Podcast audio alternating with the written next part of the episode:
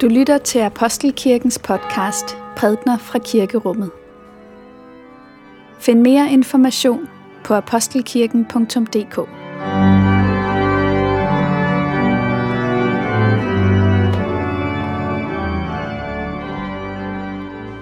Godmorgen og velmødt til gudstjeneste på denne palmesøndag her fra Apostelkirken.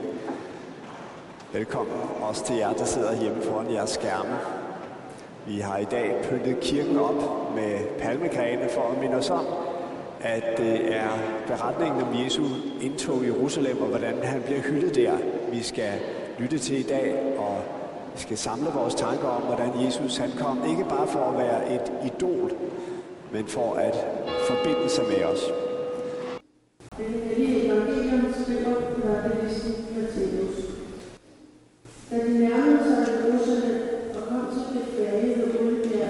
sendte Jesus to disciple afsted og sagde til dem, Gå ind i landsbyen herover og I vil straks finde et æsel, som står bundet med sin fod.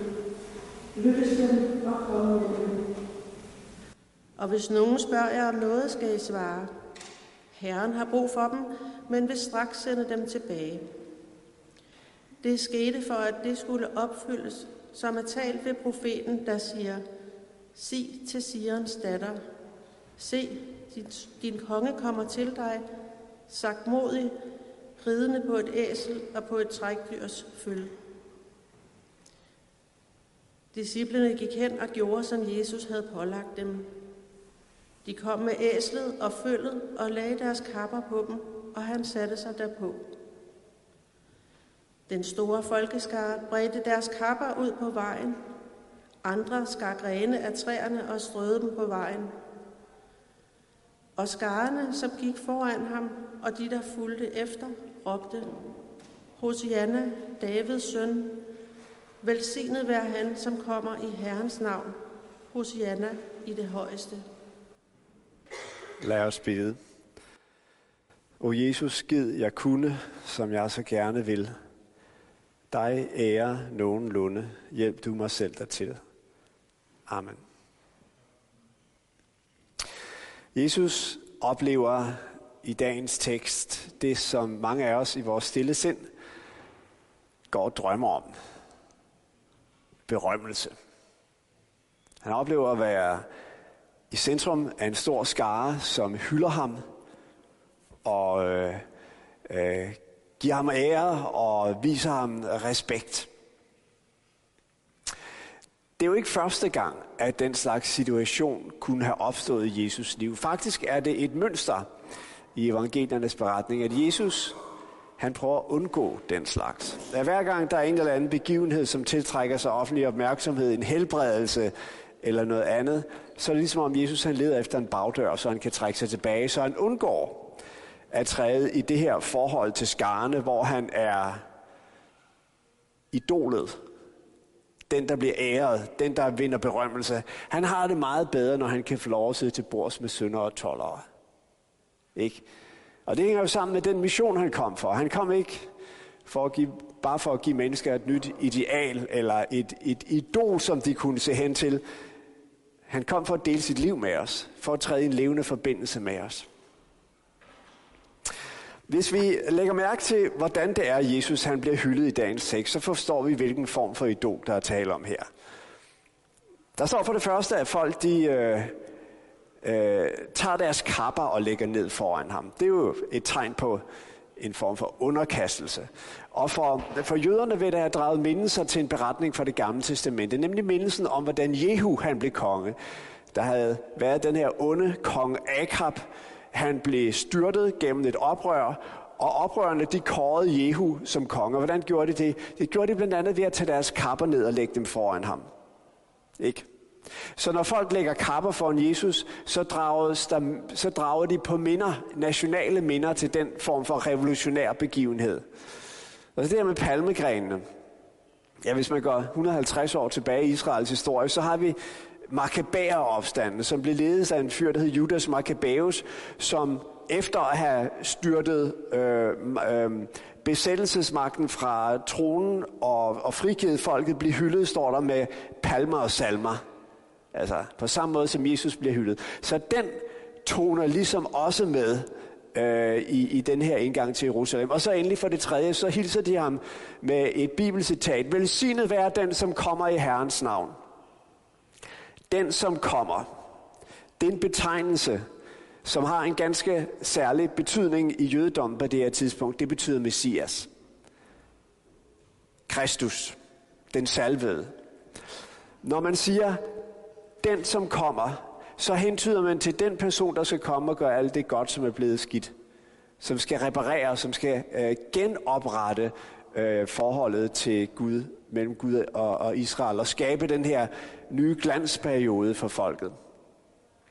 Ikke? Så alt det her, det, det tegner jo et billede af, at det Jesus han bliver hyldet på vej ind i Jerusalem, så har folk et ganske bestemt billede af, hvad han er kommet for, hvad de skal bruge ham til, hvad han er her for. Men det billede stemmer ikke helt overens med det, som Jesus virkelig kom for. Det er som om han, han, han, han unddrager sig, og det ser vi særligt de følgende dage, øh, når vi følger påskens begivenheder, det her beundringsforhold til sine øh, tilhængere.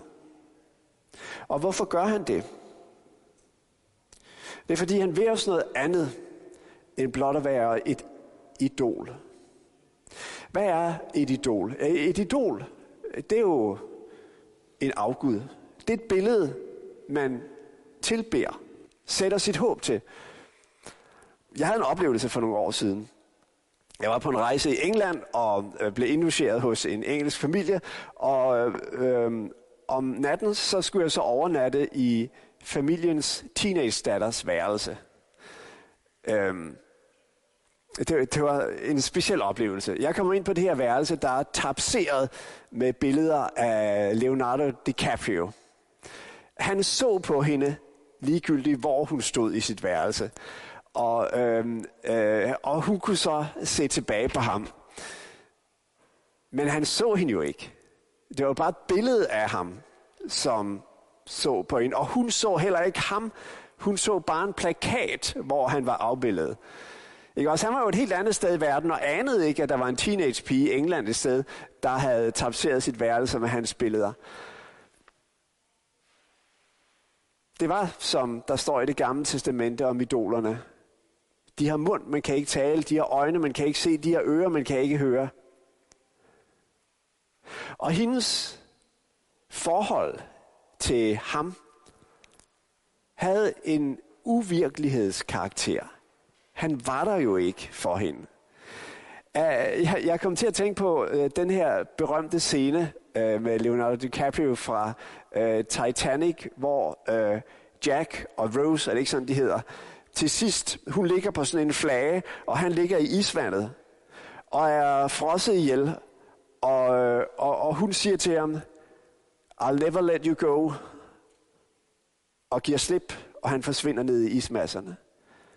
Øh, på en måde sådan forholdet, tænkte jeg, mellem den her teenage-datter og den her berømte øh, skuespiller var. Han, han var der jo ikke for hende. Han var, han var et idol, et billede, som hun ligesom øh, lod få plads i sit liv, lod blive definerende for, hvad, hvad hun forstod som det at være menneske, og det at være skøn, og det at, at leve et godt liv. Men han var der jo ikke for hende. Det er det, Jesus vil unddrage sig. Det er derfor, han ikke er tilfreds med bare at blive et idol. Han ønsker at være noget andet. Han ønsker at dele liv med os. Han ønsker at gå i en levende forbindelse med os. Det var derfor, han kom, og det var derfor, han gav sit liv, som vi skal høre i de kommende dage.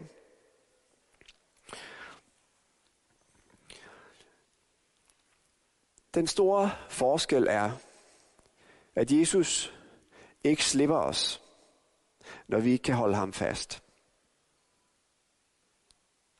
Ja, idolet, idolet, ja, det er der, så længe vi kan investere i det. Men det kan ikke gribe ud og tage fat i os. Det kan ikke tage os ved hånden. Men Kristus rækker ud efter os. Det er det, der er selve beretningen om hans komme.